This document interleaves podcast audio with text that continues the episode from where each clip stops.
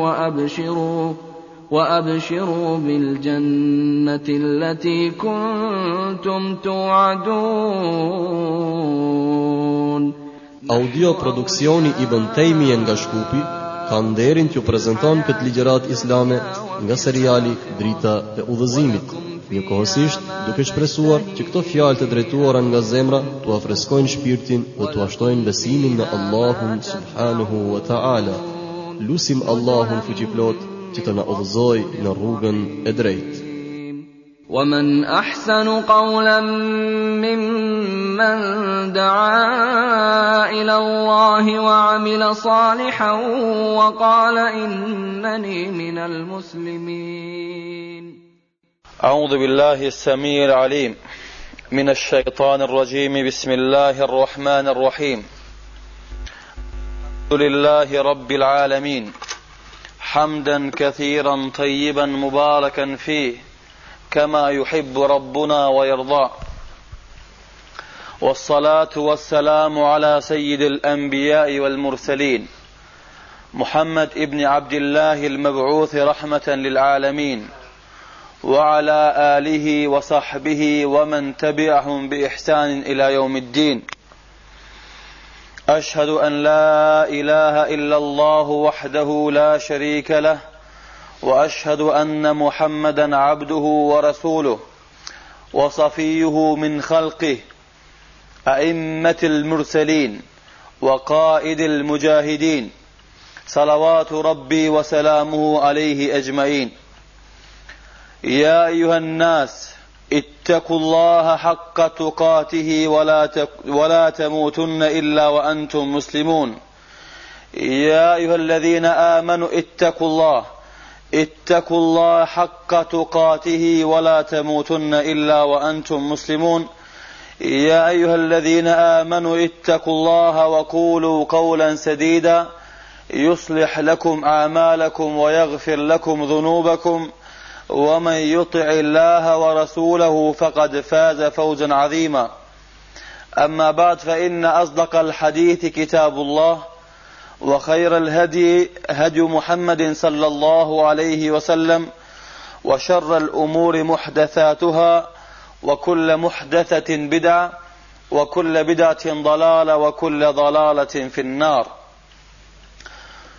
Na vazhdojmë me derset e përgjithshme që i mbajmë ditëve të enjte ose netëve të xhuma, kurse sot është i teti dhilkade vitit 1421, ose i pari shkurt vitit 2001 sipas Krishtit.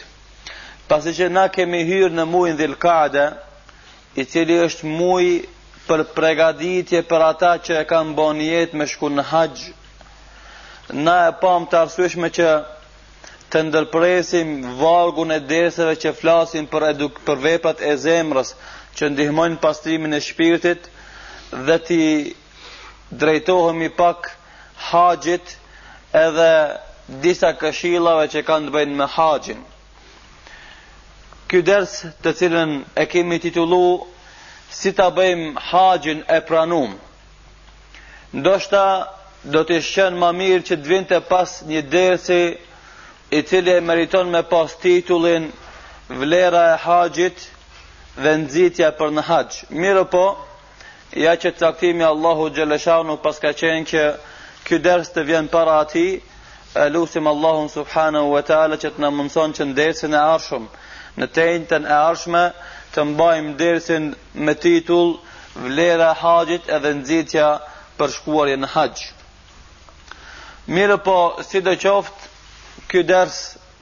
me titull Si ta bëjmë haxhin e pranuar, ndoshta shumicën e xhematlive që janë në këtë xhami nuk do të përfitojnë sivjet për sivjet.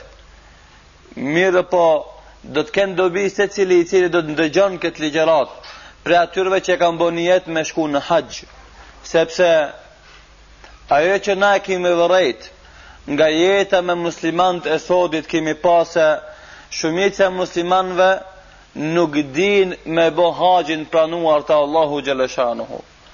Do të shohim na ma tutje se kur Muxhahidi talebe i Ibn Omerit radiallahu anhuma i ka thonë, sivjet paska shumë haxhi, ka thonë Ibn Omeri radiallahu anhuma, mos thuj se ka shumë haxhi, haxhitë janë të pakt, po thuj ka shumë udhëtarë.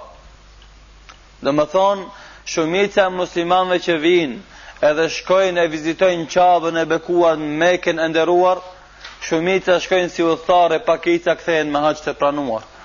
Mu për këtë sebep bëhet obligim për ne që t'jua sqarojmë muslimanëve se cilat janë hapat, cilat janë veprat, të cilat duhet t'i ketë parasysh nëse dëshiron që haxhi i tij të jetë i pranuar te Allahu subhanahu wa taala. Pra, pasi që Allahu xhele shanuhu haxhin e ka bo një prej rukneve të islamit, e ka bo një simbol prej simboleve të islamit, pa te muslimani nuk mund të jetë musliman. Atëherë, duhet të dim na se veprat të cilat na ndihmojnë për të fitu shpërblimin e asaj që pejgamberi sallallahu aleyhi wa sallam e ka tregu në hadith edhe ka thonë, wal haxhul mebrur, Lejse lehu gjezaun illa el gjenne, haxhi i pranum, nuk ka kurrnjëfarë shpërblimi tjetër përveç se hyrje në gjennet. Andaj, për me bo ne haxhin tonë të pranum, edhe me meritu shpërblimin me hyrje në gjennet, qenka një vepër shumë me rëndësi, që t'jemi prej atyve pakicës të haxhilerëve, e mos t'jemi prej asaj shumicës së udhëtarëve. Këtë hadith e bën rivajet imam Buhariu në Sahihun e tij. Andaj ulemat, kur janë ndalë dhe kanë komentu fjalën haxhul mebrur, haxh i pranuar që na e përkthejmë gjuhën tonë, kanë thonë se el mebrur i pranuar i ka dy kuptime. E para, se birr është bamirësi dhe përkujdesje ndaj njerëzve. E kundër e kundërta e kësaj e birrit është el ukuk, keqsjellja ndaj njerëzve. Andaj, edhe kur përmenden hadithet ku flasin për vlerën e respektit ndaj prindërve thonë wa birrul walidain, domethënë sjellje e mirë ndaj prindërve. Edhe e kundërta është uqukul walidain prej mëkateve të mëdha është keqsjellja ndaj Prindërve, ndaj kjo është, haxhi me sjellje të mirë ndaj njerëzve gjatë kohës së haxhit, shkakton shpërblimin e madh me hyrje të xhennetit. Ashtu sikurse ka ardhur në hadithin tjetër ku pejgamberi a.s. ka thonë, "El birru husnul khuluq." Birr bamirësi qenka të kesh sjellje të mirë. Këtë hadith e bën rivajet Imam Muslimi në Sahihun e tij. Gjithashtu, prej elementeve që e ndihmojnë për me dhanë kuptimin se haji kërkon prej teje edukim, vetedukim pastaj sjellje të mirë në kohën e hajit, është edhe hadithi të cilën e transmeton Imam Ahmedi, në Musnedin e tij me sened të vërtetë, se kanë e kanë vetë sahabët pejgamberin alayhis salam kur ka thon el hajjul mabrur, leysa lahu jazaa'un illa al janna se haji i pranuar, nuk ka shpërblim tjetër përveçse të hysh në xhenet, i kanë thon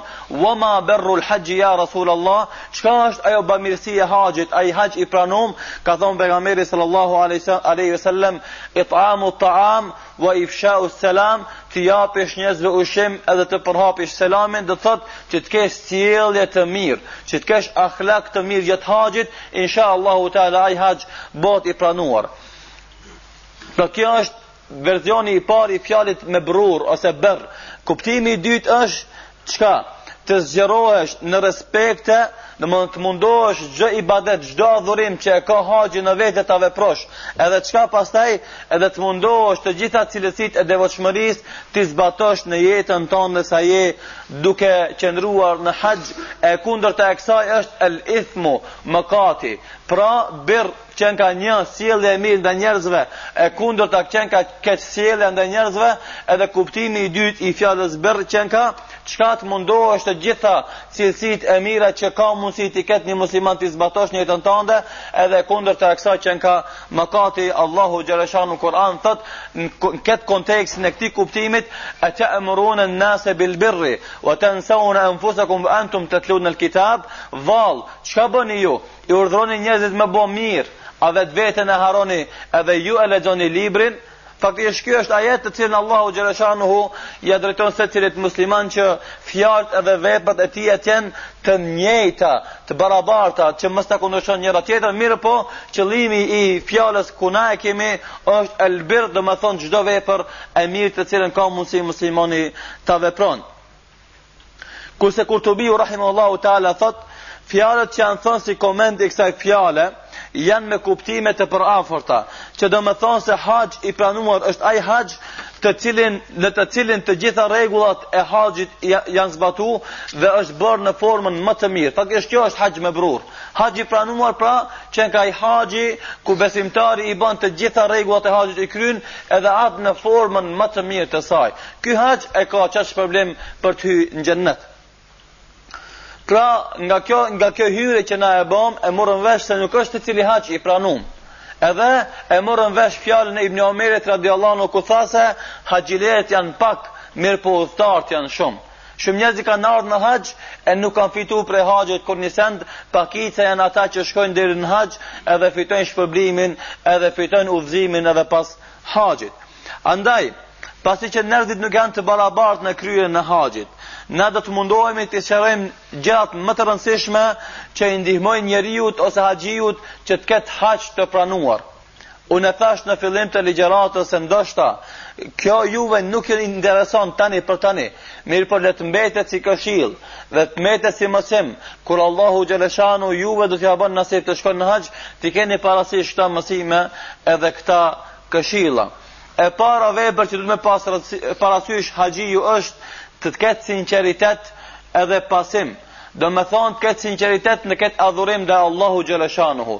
Mos ta ban pse u ka vjetru e ka ardhë rendi me shku në haxh. Mos ta ban pse i vjen turp domethonë prej mocanikëve të vet të cilët gjithë kanë shku e ky ka mbet pa shku. Mos ta ban domethonë për të fitu epitetin haxhi. Mos ta ban për të fitu domethonë naj post më të lartë në vendin ku jeton. por ta bën këtë ibadet për hir të Allahut xhaleshanu, sepse Ai e ka urdhëru, jo për ndonjë interes të kësaj bote, por vetëm se është obligim të cilin e ka para Allahut subhanahu wa taala. Sepse Allahu xhaleshanu në Kur'an ka përmend shumë ajete ku e përforcon elementin e sinqeritetit. Gjithashtu edhe pejgamberi sallallahu alaihi wasallam ka përmend shumë argumente ku e përmend domethënë vlerën e sinqeritetit. Njëra prej atyre haditheve bazë që flasin për vlerën e sinqeritetit është edhe Ana aghna shuraka ya ne shirk. Unë thot Allahu jalla shanu. jam ma i panevojshmi për ortak. Men amila amalan wa ashraka ma ya ahadan kush bën ndonjë vepër të mirë duke më bërë mu ortak ndokën tjetër taraktuhu wa shirkahu do ta le atë vepër që e bën ai njeri edhe ortakin të cilin ma ka bë mu këtë hadith e bën rivajet Imam Muslimi në sahihun e tij nga ana tjetër pejgamberi sallallahu alaihi wasallam kur kur është lut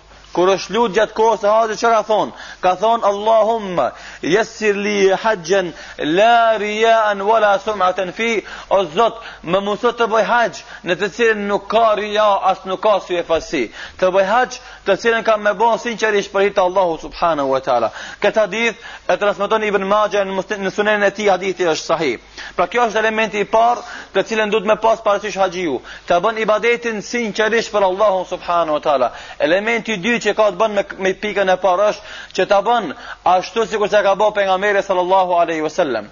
Ta pason Muhamedin sallallahu alaihi wasallam. Na vazhdimisht e kemi than dhe kemi potencu se ashtu sikurse kërkohet prej besimtarit ta veçon Allahun me adhurim, ashtu kërkohet prej muslimanit ta veçon pejgamberin me pasim.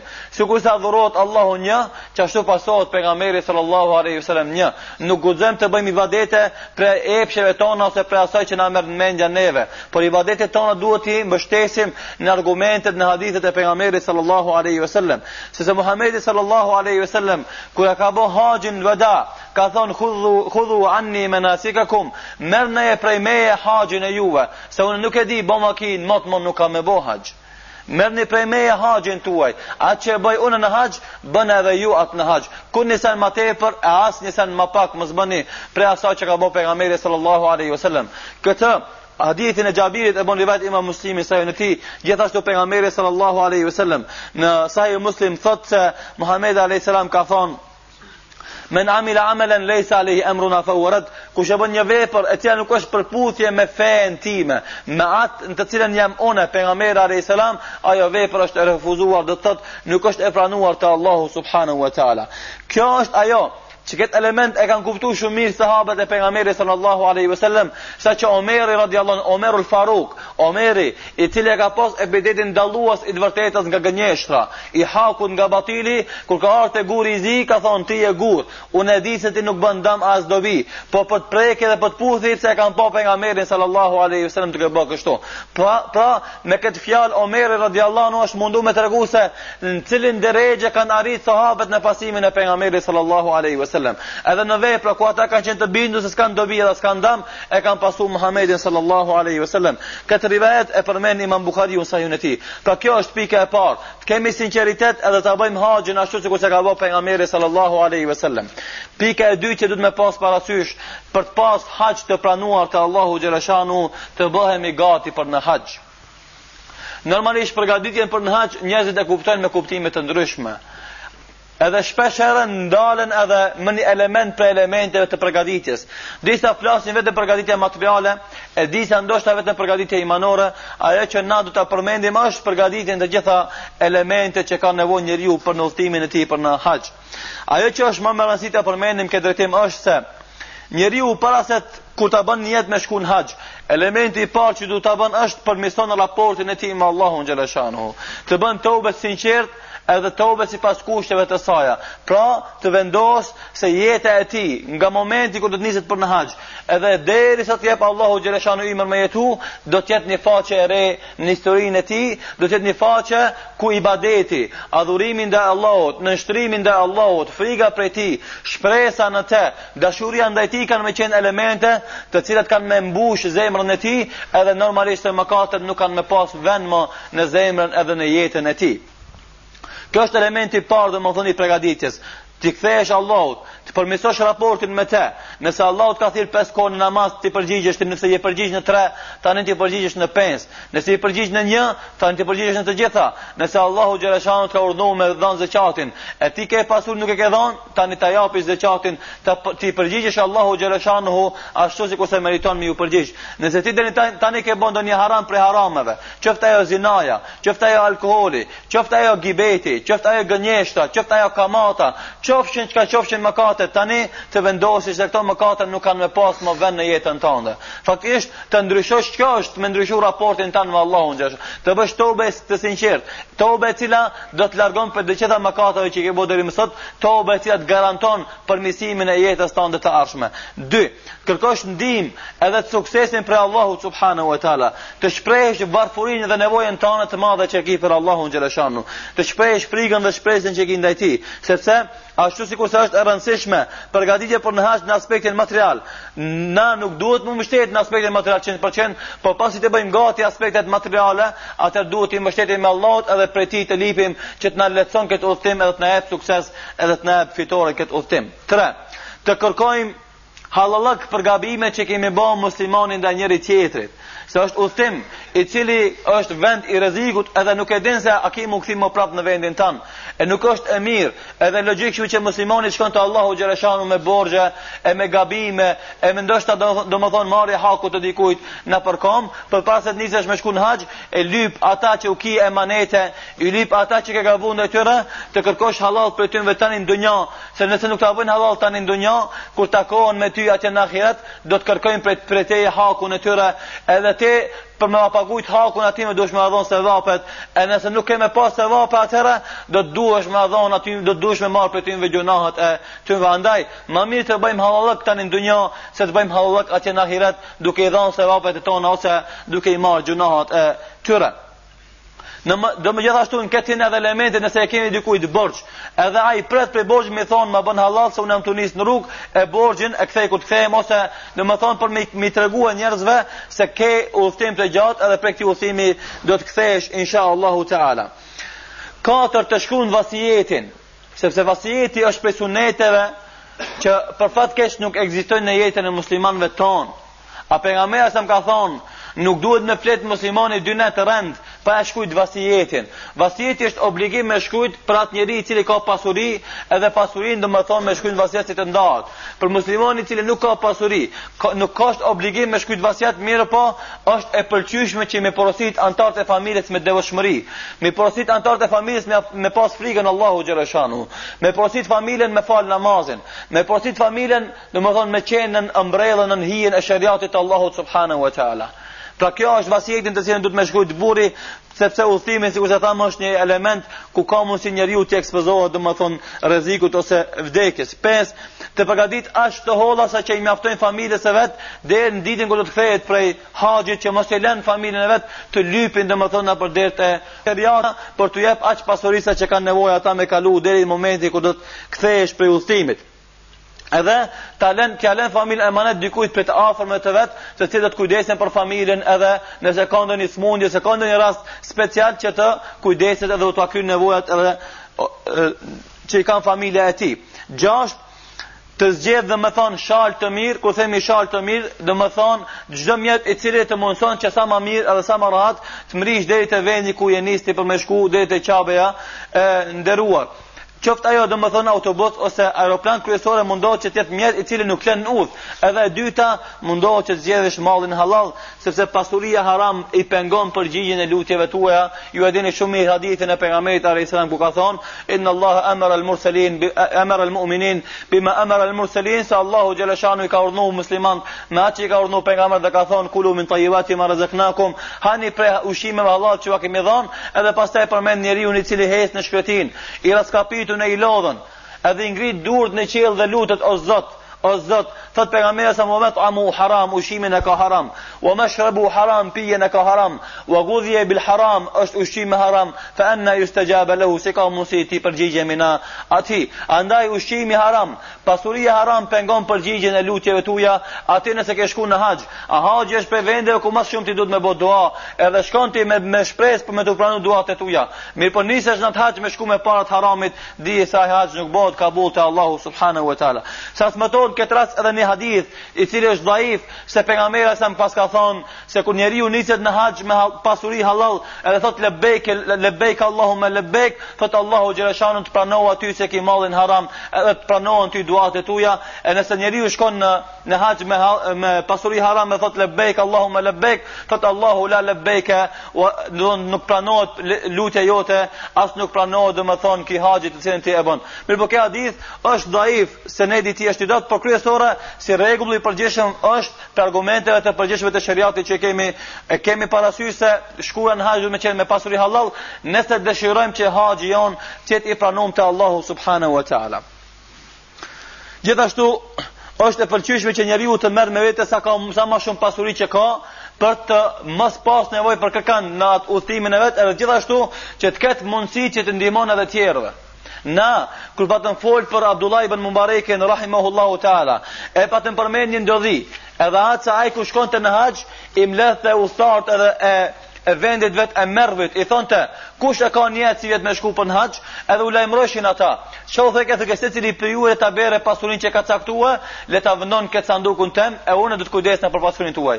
E shkonin, udhëtonin, deri në Meke, në Medine, harxhimet e rrugës, blerjen e dhuratave. Krejt e bënte Abdullah ibn Mubareku me paret e veta. E kur ktheheshin domethënë në Merv në vendlindjen e tyre, atëherë i mbledhte një ditë në gosti, edhe secilit ia kthente paret e veta që ka marrë në fillim, për me tregu se haxhin këta ata e kanë bo me pasurinë e Abdullah ibn Mubarekut. Andaj, nëse një musliman ka pasuri, Allahu xheleshanuhu ia ka hap derën e rizkut, atëherë është e pëlqyeshme që ai njeri të merr me vete sa ka mundësi pasuri sa më tepër, që mos të ketë nevojë për kërkën edhe pastaj t'u ndihmon të tjerëve atyre që kanë nevojë domethën për raste të ndryshme sepse haxhi është udhtim e në udhtim ndodhin gjëra të ndryshme për atë shkak kur të kesh pasuri ke mundësi me ndihmu secilit e kur t'i ndihmosh ti në haxh inshallah taala bohesh shkaktar që dikush me kry haxhin e fiton ti shpërblimin e tij. 7 Gjithashtu prej elementeve që duhet me pas parasysh në përgatitjen e haxhit është që të zgjedh shok të mirë në udhtim. që të zgjedh shokë të cilët e urdhnojnë në të mirë e ndalojnë prej këqijave, shokë të cilët e këshillojnë kur ai të harroje, shokë të cilët i japin nasihat kur ai të gaboje, shokë të cilët e dojnë për hir të Allahut, shokë të cilët e ndihmojnë në ibadet ndaj Allahut, shokë të cilët ia shtojnë imanin kur të rrinë me ta. Jo shok i cili mundohet atë me me shkep sa më sa më shumë pare prej tij, ose me shty atë me harxhu këta të tjerë, domethënë mos me harxhu asni cent ose shokë të cilët mos dhashtë Zoti Në vend se me urdhnu ka e mira, atë e urdhnojnë ka e keqja, në vend se me ndihmu në të mirë, atë e ndihmojnë në të keqen, ose shokë të cilët janë përtacë, nuk i intereson atyneve ibadeti, sepse shumicës së muslimanëve të vendeve tona u bëhet nasip me shku në haxh ndoshta vetëm një herë në jetën e tyre. Andaj, këtë kohën që kanë atë duhet me shfrytëzu maksimalisht. E nëse ti ki shokë dembela, të cilët pritojnë me shku në xhami, në harem në qabe me fal namazet, ku një namaz vlen sa 100 mijë namaze, atëherë ti ke me hup shumë të mira për shkak të shoqërisë tande të keq ose shoqërisë përtace që kiti me vete. Andaj, prej elementeve që duhet të pas parasysh është që të kesh edhe shoqëri të mirë, të cilët të ndihmojnë në ibadet, të cilët të ndihmojnë në devotshmëri, të cilët të ndihmojnë me e shtu imanin tan.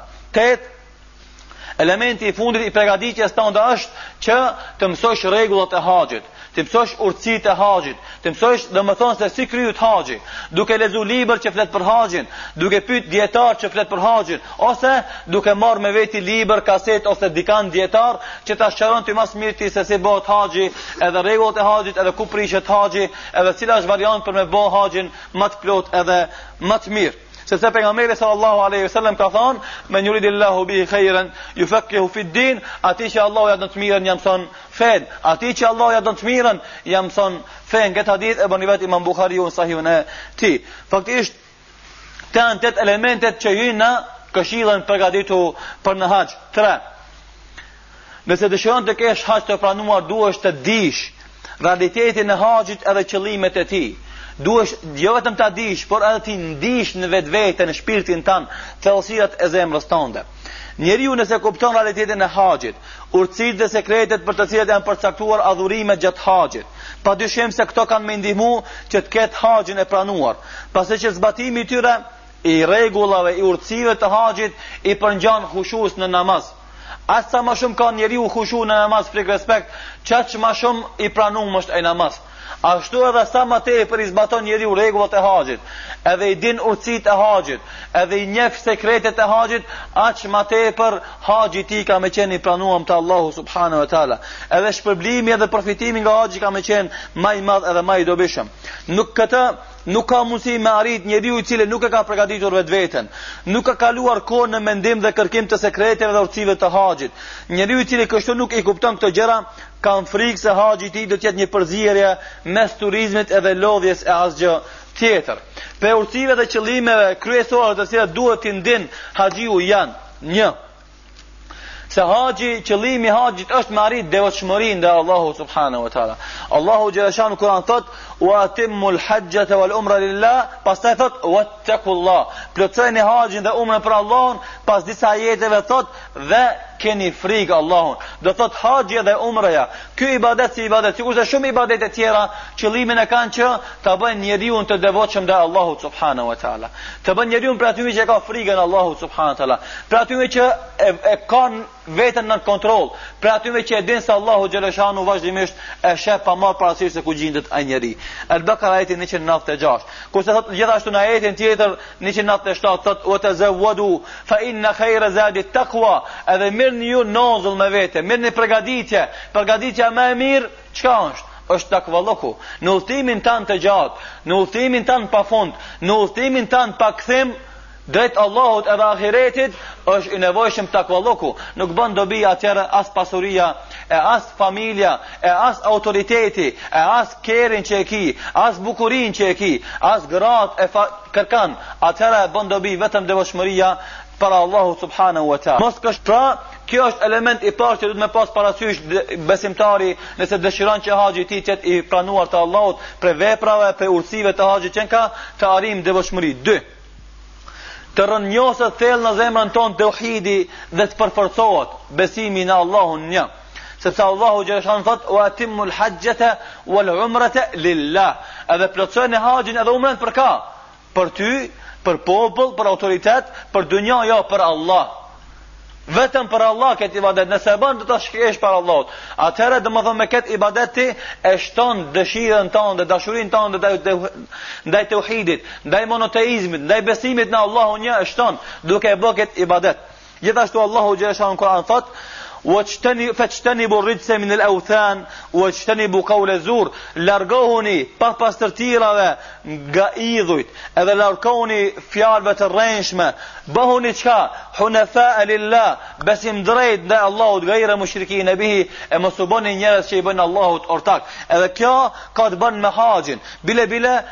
Ky ajet gjendet në surën e cila e ka emrin Al-Hajj, ajeti 30, 31, pra largohu idhujve që janë që kanë qenë kohën e pejgamberit alayhis salam atëhera në Mekë nga shkaku i mushrikëve në fillimin e parë domethënë, edhe adhuroje Allahun xhaleshanu pastër, bënu domethënë njeri që vetëm Allahun xhaleshanu e adhuron askan tjetër përveç tij. Andaj edhe prej tauhidit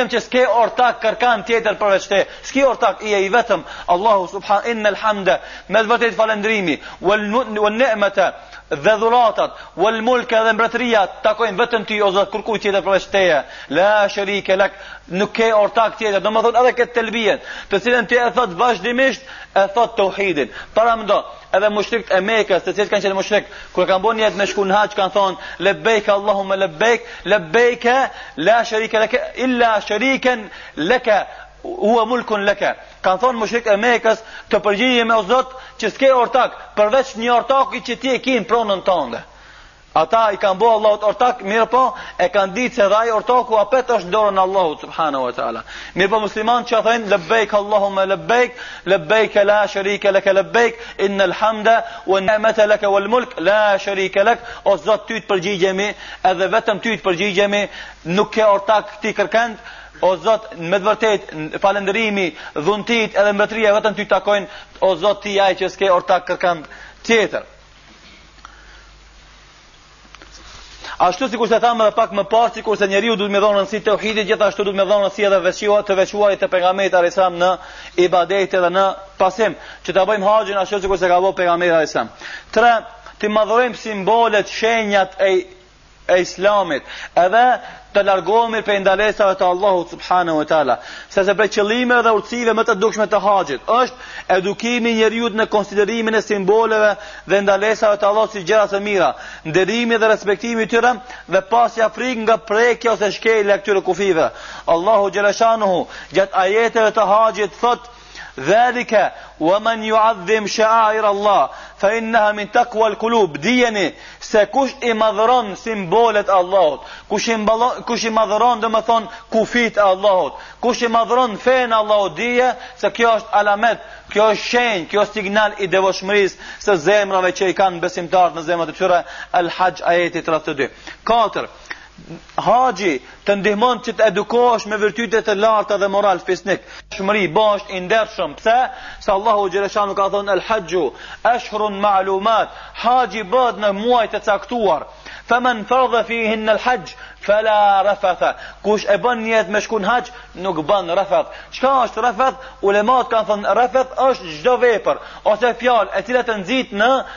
kontakt domethënë seksual me gruen tande. Nëpërmes haxhit, ti e largon prej mendjes tande domethënë gruen edhe dunjan. Atëherë ke shkue për me bo ibadet Allahun xheleshanuhu, e duke u largu prej hallallit tan, normalisht se duhesh ti mu largu edhe prej harameve, kjo të ndihmon që t'jesh ti njeri i ndershëm, njeri ku nderin tan nuk e merr nëpërkomb, edhe nuk len domethënë nderin e dikujt mu marr nëpërkomb.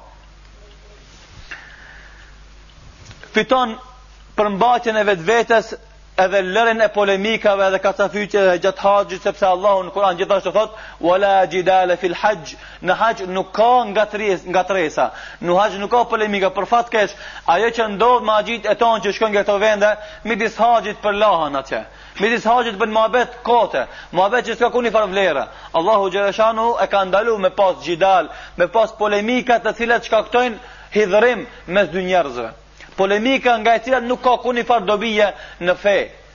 Këto janë të ndaluara, edhe këtë e fiton domethënë, masi ti e din që është e ndalum, atëherë e edukon vetveten për mos me polemizu gjërat e kota.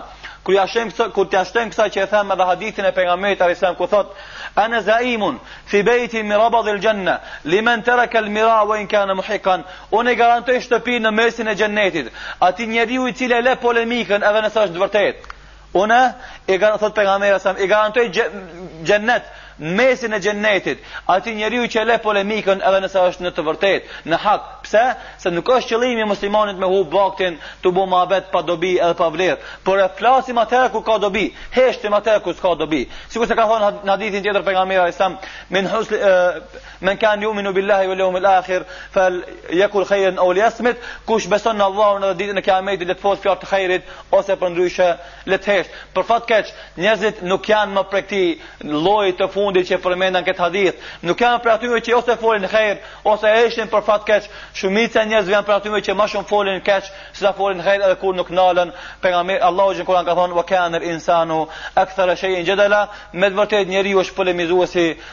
më i madh ku flet ku ka dobi edhe ku s'ka dobi. Prej gjërave që i fitojmë në edukimin tonë është se fitojmë butësi, urtësi dhe qetësi. Sepse pejgamberi sallallahu aleyhi ve sellem, në momentin kur muslimanët n'kohën e tij, dilshin nga Muzdelifeja për me shku në Mina, i ndëgjoj një zhurmë të madhe, edhe duke i bërtit secili kafshës vet, edhe duke e nxit për me ec, atëherë tha pejgamberi alejhi selam, ejuhen nas, alejkum bisekine, o ju njerëz, jeni të qetë, qetësohuni fa inna al birr laysa bil ida sepse bamirësi nuk është me nxit domethënë kafshët me shku sa më shpejt në Mina po bamirësi është me kon i qetësum me pse je n'momente ku ke dal për Allahu xheleshanuhu e ke lënë dunjan pas shpine nuk ka ndër, nuk ka nevojë ti me me vepru domethënë me vepra të cilat i vepron kur je në kohë tjera jashta haxhit Prej gjërave që i fiton është që edukon vetveten me to është mohimi i egos tande. Se aty je në xhemat, nuk je më vetë, aty je 2 milion e kusur njerëz. Kurkush më nuk ta vet çka don qefi tan, kurkush nuk e nderon qefin tan, e dasht e pa dasht aty, ki me eduku vetveten që egon tone me e shkel, egon tone me anulu, por xhemati është ai i cili vendos. Edhe kjo është prej dobive shumë me rëndësi në jetën e muslimanve, si xhamat. Andaj Allahu xhaleshanuhu ka bo shumë ibadete me të cilët edukohen muslimant në shumë gjëra që janë shumë të nevojshme për ta për me mbijetu. Atje ku s'ka xhamat, atje ku secili i gëzohet mendimit vet, atje ku secili i mburret mendimit vet, atje s'ka hajër edhe s'ka bereqet. Atje ku ka xhamat, edhe ku njerëzit domethonë respektojnë xhamatin, edhe e shkel egon e vet për hir të xhamatit, atje ka hajër edhe ka Berqet edhe haxhi të ndihmon ty në edukimin e vetes tonë në këto elemente. Sepse secili pi neve ka mundësi me kon i llastrum, ama i llastrum te shpia vet, kur dal n'xhami, kur dal n'çarshi, kur dal n'pazar, ma llastria e tij nuk vlen, sepse ka mundësi hapton me pas telashe njeri i cili mundohet egon e tij me qit përmi egon e kejt njerëzve në dunjo. Gjithashtu fiton edukohesh duke e marrë përgjegjsi për gabimin tanë, sikurse është e përhapur në mesin e popullit tonë që thojnë se faj është jetim. Në haxh, me ibadetin e haxhit, mësohesh me marrë përgjegjsi për gabimin që ke bo. Pse? Se në haxh ka shumë gabime që bohen, por kur je duke veshur në ihram me ihrame, edhe kur je, duke, kur je jashtë ihrameve, ke gabime, e këto gabime dush me i la me çka? Me fidje, duke pre kurban shembul. E tash kjo prerja e kurbanit të mëson ti me pranu gabimin. Sepse na vazhdimisht jemi pej atyne që përherë dalim t'lamë edhe pa faj. Mirëpo, nëpërmes haxhit, këtij ibadetit edukohet muslimani për me pranu gabimin, a kjo është një element shumë me rëndësi në përmirësimin e gjendjes së xhematit të muslimanve. Pastaj, edukohet njeriu në modesti, Kjo del shesh në unifikimin mes të gjithë haxhive, qoftë në adhurime ose në vend, largimi i dallimeve materiale mes tyre, siç është gjuha, gjaku ose pasuria. Kejt janë barabart, nuk dihet kush është i pasur e kush është i vafun, kush është me autoritet e kush është pa autoritet. Domethënë bohesh modest, tevadu. Thot pejgamberi sallallahu alaihi wasallam në hudbin e tij, gjatë haxhit lamtumirës ka thonë: "Ya ayyuhan nas, o ju njerëz, Ala inna rabbakum wahid, Zoti juj është një. Wa inna abakum wahid, baba juj është një. Ala la fadla li arabin ala ajami, nuk ka vlerë arabi ndaj jo arabit. Wala li ajamin ala arabi, as të huajit jo arabi ndaj arabit. As të kuqit ndaj ziut, e as ziut ndaj kuqit illa bi takwa përveç se në devotshmëri. Devotshmëria është ajo që i dallon njerëzit te Allahu xhaleshanuhu. Kush është ma i naltë dhe kush është ma i poshtë, matet me devotshmëri e jo me prejardhje të fisit ose të racës prej cilës je ti. Edukohet njeriu në gjitha llojet e durimit, sepse në haxh kur shkosh duron prej harameve. largohesh prej harameve, duron në zbatimin e urdhrave të Allahut, edhe duron në lodhjen në raskapitjen që janë prej caktimeve kaderit të Allahut edhe na llojet e durimit i kemi treguar në dersin që kemi mbajt me titull durimi vlera dhe realiteti i durimit. Gjithashtu njeriu edukohet me bujari edhe fisnikri, bohet njeri bujar dordhan. Pse? Se për me shku në haxh duhesh me harxhu pasurinë tane. Pastaj ti gjatë haxhit ndoshta del rasti duhesh me ndihmu dikujt. Edhe tash edukon vetveten domethën me bujari edhe bash fisnik, bash njeri dordhan. E kjo është një element i cili e ngrit muslimonin deregje shumë të larta. Pra këto janë disa prej dobive edukative që i merr ti prej haxhit. Pastaj, a lajmi të urtësit, sekretet edhe qëllimet e haxhit. Haxhi ta kujton ditën e ahiretit. Haxhi ja përkujton njeriut ditën e ahiretit. Edhe gjendjet e asaj dite madhështore në, shumë, në, në mënyrë shumë të qartë. Me të vërtet, Arafati, Dalja e muslimanëve në Arafat i ngjan sikurse daljes të njerëzve para Allahut ditën e Mahsherit. Bilem shumë etapa të haxhit i ngjan etapave të udhëtimit tan për në ahiret. Vet nga momenti kur i zhvesh rrobat e tua, ta kujton momentin kur kanë me t'i hek rrobat njerëzit për me ta la xhenazën. Vet momenti kur nisesh ti në udhëtim, ta kujton momentin kur do të ndahesh prej familjes, Kur do ndahesh prej dashurve tu, e të shkosh jo me vetëdashjen tande. Kur je tu shku në haxh, i thue familjes lamtumirë. Allahu qoftë ju rujt juve. Fol, mirë po kur vdesish, mo ti s'ke mundësi me fol. Ndahesh prej familjes për me shku në haxh, ke me u da edhe prej familjes për me shku në vorr. Andaj, kjo është një element i ngjashmërisë mes udhëtimit për në haxh edhe udhëtimit për në ahiret. Pastaj sikurse thash, ti i zhvesh teshat për me vesh ihramin, t'i zhveshin teshat për me ta la xhenazën. Ngjashmëri. Nuk ke kurnisen prej rrobave të dunjas me veti gjatë haxhit, edhe kur dalish para Allahut xheleshanuhu ke me dal i zhveshun, i pasynetum, i zbathun, sikurse atë ditë që t'ka lind nana, sikur ka thon pejgamberi sallallahu alaihi wasallam. Pastaj udhëtimi dhe lodhja gjatë haxhit ja kujton njeriut vështirësitë dhe ngushtinë e ditës së mahsherit, saqë atë ditë do të ketë njerëz që kanë me u ngulfat në djersët e tyre. Lodhja, raskapitja e udhëtimit të haxhit ta përkujton lodhjen dhe raskapitjen që duhesh me pas në udhëtimin tan drejt Allahut subhanahu wa taala. Haxhi i mëson njerëzit t'i nënshtrohen edhe t'i përkulen Allahut subhanahu wa taala. Njeriu gjatë haxhit Mësohet në dorëzim, në shtrim dhe respekt absolut ndaj Allahut subhanahu wa taala. Qoftë në vetë veprat e haxhit, siç është zhveshja nga rrobat e qepura, dala nga veshmbathja e zbukuruar, tavafi, sa'i, qëndrimi në Arafat, hedhja e gurzëve, qëndrimi dhe bujtja në Mina, rruajtja e kokës ose qethja e flokëve e tjera, vepra të cilat nuk kuptohen qartë, nuk kuptohen, nuk i din ti çka ka, mirëpo janë çka urdhna prej Allahut dhe ti duhesh me i bo. Edhe shumë vepra të tjera të cilat Nuk e shef ti çfarë dobie ka prej tynve, mirëpo janë urdhna prej Allahut. Masi janë urdhna prej Allahut ti, mësohesh me iu nënshtru urdhnave të Allahut subhanahu wa taala. Pastaj nëpërmes haxhit thellohet vllaznillëku i imanit edhe uniteti islam mes muslimanve. Mblidhen të gjithë haxhitë në një vend edhe pse dallojnë mes tyre në gjuhë, në ngjyrë, nga vendi ose nacionaliteti, mblidhen në një vend, në një kohë, me një pamje, me një thënje, me një qëllim, që është besimi në Allahun xhele shanuhu, zbatimi i urdhnave të Allahut dhe largimi prej ndalesave të Allahut. Kjo shkakton dashuri mes tyre. Bëhet shtytës që njerëzit të njihen mes vete, ta ndihmojnë njëri-tjetrin, të mendojnë, të këshillojnë, të ndrrojnë përvoja dhe eksperienca mes tyre. të cilat do ta nxisin njëri-tjetrin për ta ngritur fjalën e Allahut xhele shanuhu dhe për ta ndihmuar fenë e Allahut subhanahu wa taala. Pastaj haxhi ua kujton njerëzve musli haxhitë e mëparshëm që kanë qenë para këtij.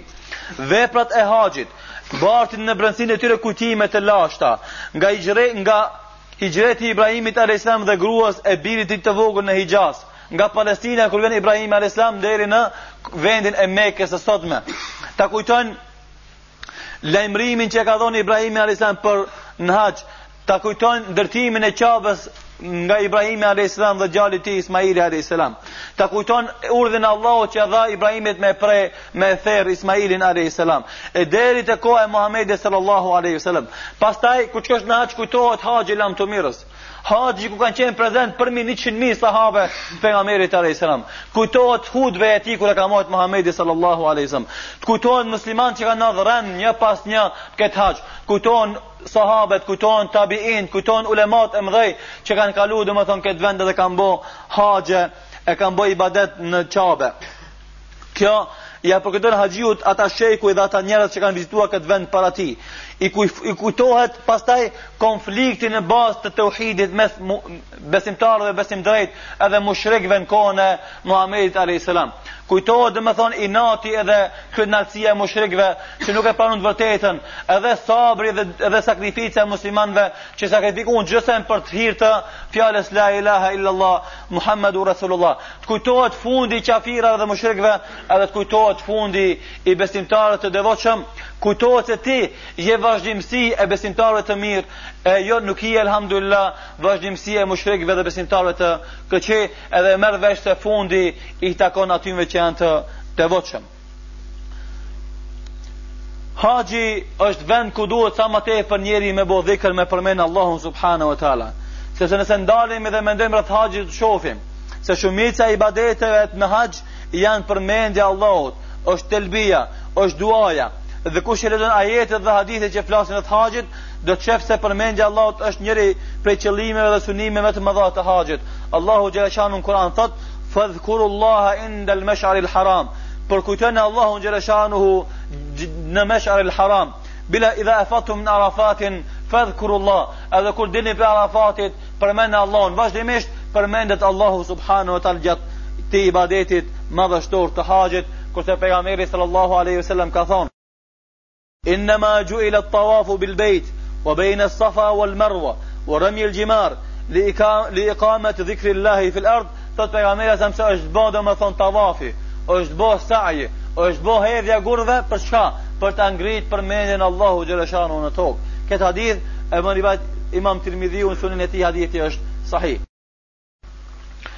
Kujdesu gjatë haxhit mos bon mëkate dhe mos bon gabime.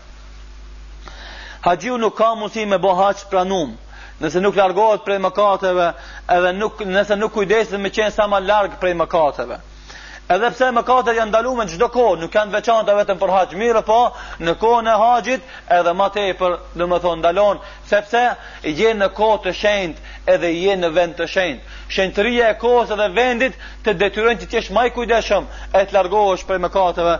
Allahu xhaleshanu në Kur'an thot: "El hajju ashhurun ma'lumat." Haxhi është në kohë të caktuar në muajt e caktuar. Faman farada fihin al-hajj. Kush e bën nijet me shku në haxh në atë kohë,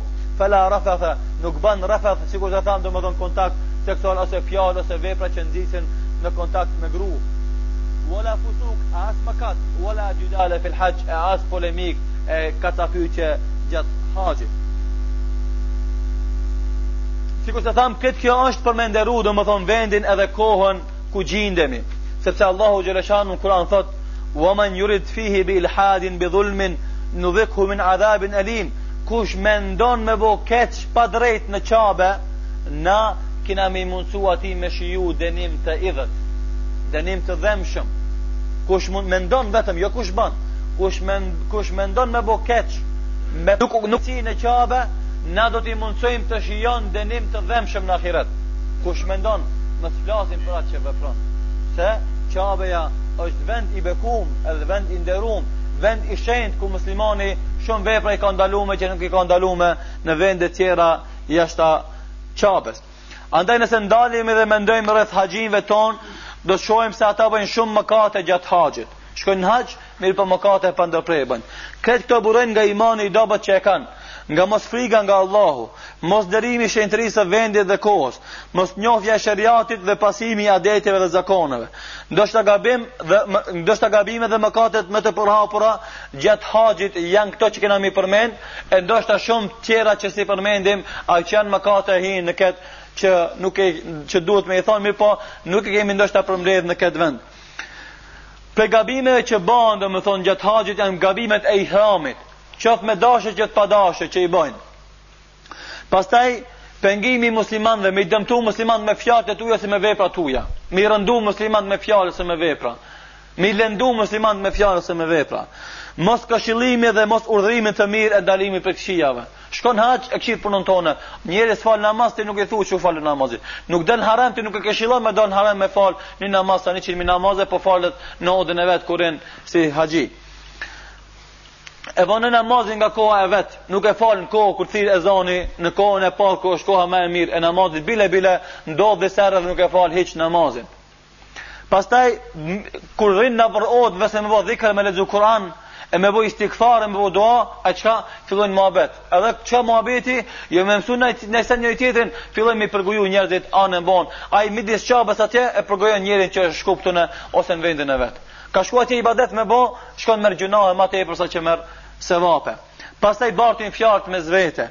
Pastaj merren me biseda të kota që s'kan kurrfarë dobie n'ta. Polemika të panevojshme. harxhimin e tepër, harxhojnë tepër pare në çka?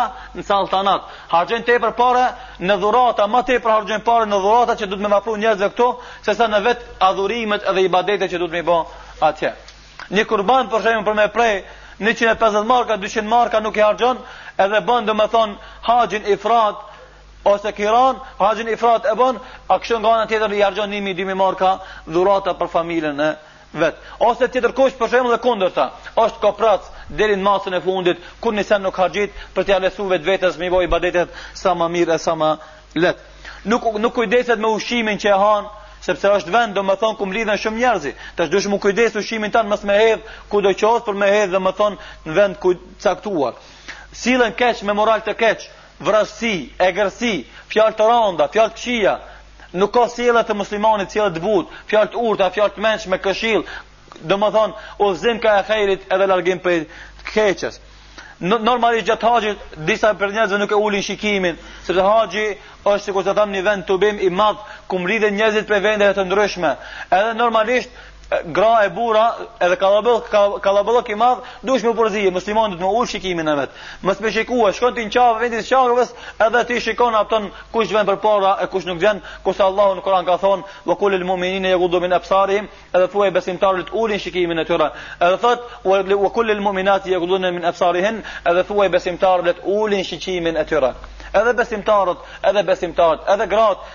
Edhe burra duhet me ul shikimin, pse kanë shkuar në haxh, domethënë që tash gjithçka është bë halal për ta përkundrazi, sikur të thashë pak më parë, shenjtëria e vendit edhe kohës detyron që të kujdesesh prej harameve edhe më shumë të jesh larg tyre.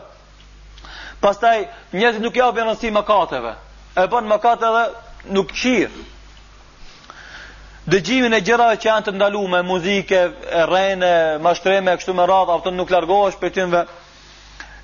shtyhet me gratë ose burrat me gratë ose gratë me burra, por normalisht duhet të kujdeset burri me kon sa ma larg grave dhe gruaja sa ma larg burrit, mos me u përpjek njëri me tjetrin për me prish, domethënë atë ndjenjën e devotshmërisë edhe adhurimit gjatë haxhit. Gra domethënë zbulojnë ma tepër sa që ka nevoj m'u zbulue Nuk kujdesen gjatë haxhit për me mlu trupin e vetë se është ma mirë Disa haxhi nxitojnë mundohen m'i bo para vaktit ose i vanojnë do ibadete Shembull, nëse është Mina me shku ditën e 8 dhul hixhes ata shkojnë ditën e 7 përpara gjatë natës. Nëse duhet me nejt Mina ditën domethënë ditët e 11 e 12 ata rrin në hotel ato në ato ditë nuk rrin në Mina shembull do ibadete të cilat ose i nxitojnë para kohës ose i bëjnë mas kohës nuk i bëjnë atë kur i ka caktuar sheriati. Nuk u japin rëndësi kufijve, për shembull ku është Arafati, ku është Muzdalifa, ku janë Mina, kufij që janë caktuar domethënë se ti nëse shkon në Arafat, ama qëndron jashtë kufinit të Arafatit, ti kthehesh pa haxh. Ka kufij të caktuar edhe alhamdulillah, kanë vnu pllaka të mëdha që edhe qorr me kon i shef. Këtu është kufini fundi Arafatit. Këtu është fillimi Arafatit. Nëse ti je jashtë Arafatit, s'ki haxh. Pse?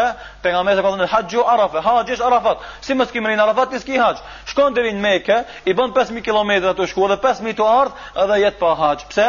Se s'kujdesesh për kufijt. Ose shembull kur vjen puna me kalu mikatin, ti nuk nalesh mikat me vesh ihramin, po ka procent. Mrin deri në aeroport aty vesh ihramin. Nuk bën se ihrami hapton për gjithë është para se me mri në aeroportin e Xhidës, duhet me vesh domethënë në aeroplan nëse shkon me aeroplan. Mirëpo, ndodhin shpeshherë nuk respektohen kufijtë të cilët i ka caktuar Allahu xhelle shanuhu gjatë haxhit.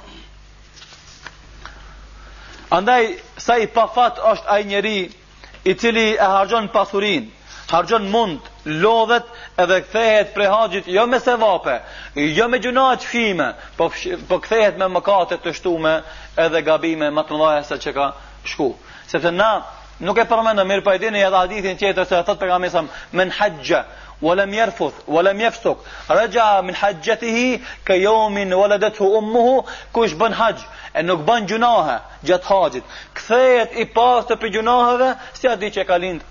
Nana, këtë shpërblim me shku deri atje, sikurse thashë 5.000 km të shku, e 5.000 të ardhë, edhe mos me fitu kurrfarë shpërblimi, por po plus me fitu gjynahe, kjo me të vërtetë është vetëm se ai njeri të cilit Allahu ia ka mshel dyert e hajrit, ai njeri të cilit Allahu nuk ia don të mirë në dunja as në ahiret.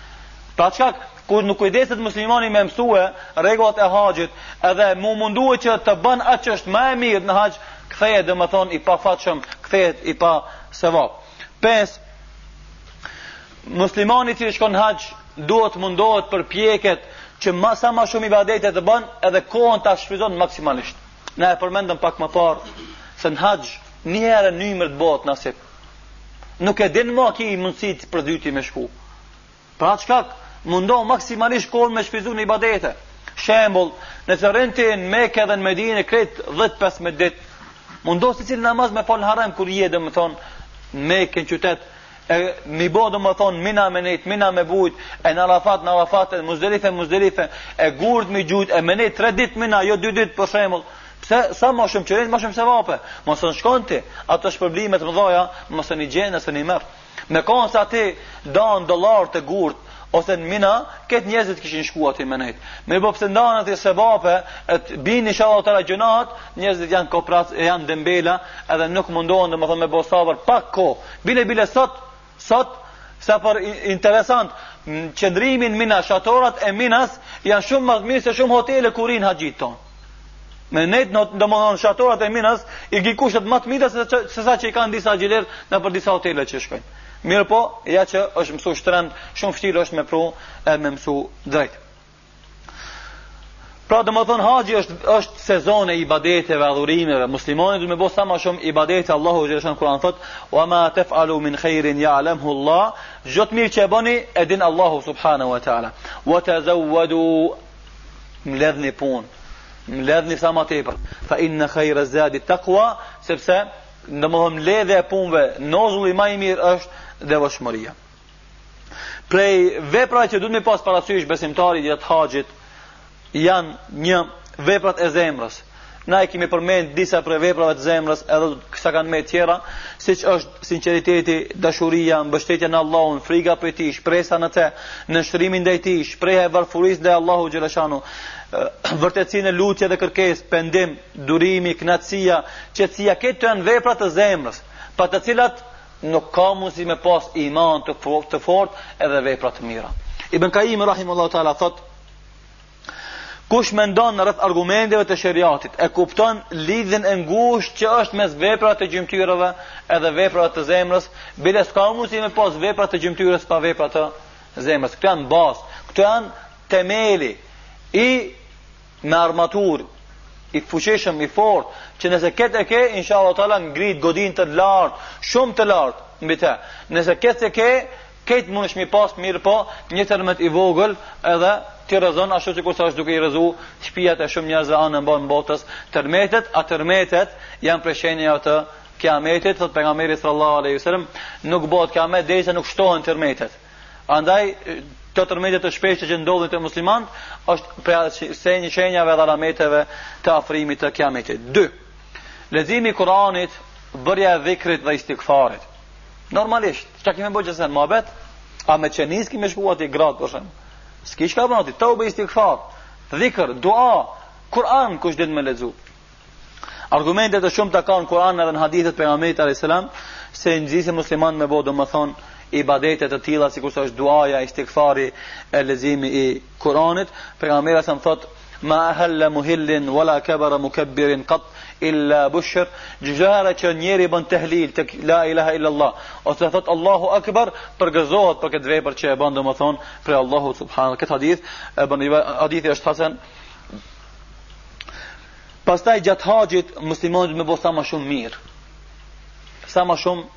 mirë. Ibn Rexhebi rahimahullahu taala thotë Prej veprave më përmbledhëse të bamirësis, për të cilat ka nevojë haxhiu, është ajo porosi me të cilën e ka porositur Pejgamberi sallallahu aleyhi sallam, Ebu Xhurej el Huxhejmijun duke i thonë, edhe këtu vim te hadithi që i përmendëm në paradesit. I ka thonë, për, ka thonë, ki thotë, na imi prej fiseve beduine, imi të vrashtë, më porosit diçka,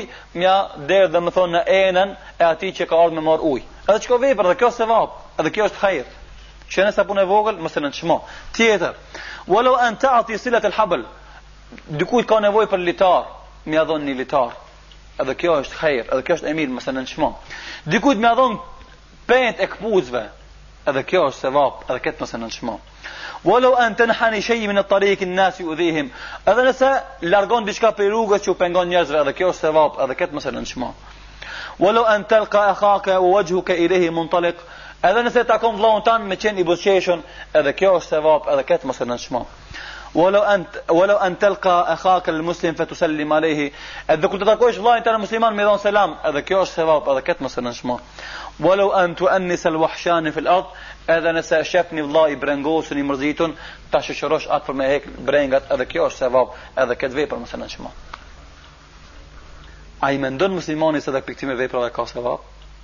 Shumë herë i ndodhin njerit, nijetin nuk e bjerë se këto vepra kanë sevap.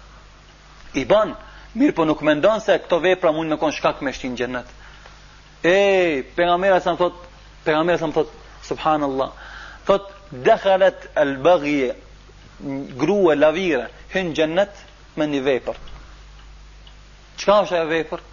E gjen një qen, i etun hadith sahih i etun duke ngron dheun prej etjes e kjo zbrit në bunar me këpucën e vetë mush uj edhe jep qenit me pi uj bamirësi jo ndaj njerëzve ndaj kafshve ku ka humanizëm ma të madh se në islam masanej ata neve na kritikojnë se na imi terrorista gjakpirsa s'ka humanizëm ma të madh se te muslimanët s'ka pozitivizëm ma të madh se te muslimanët nuk ka hajr dunjaja ma shumë se prej muslimanëve As ekologët që mundohen për me mbrojt domo natyrën nuk e mbrojnë ma shumë se mbron muslimani.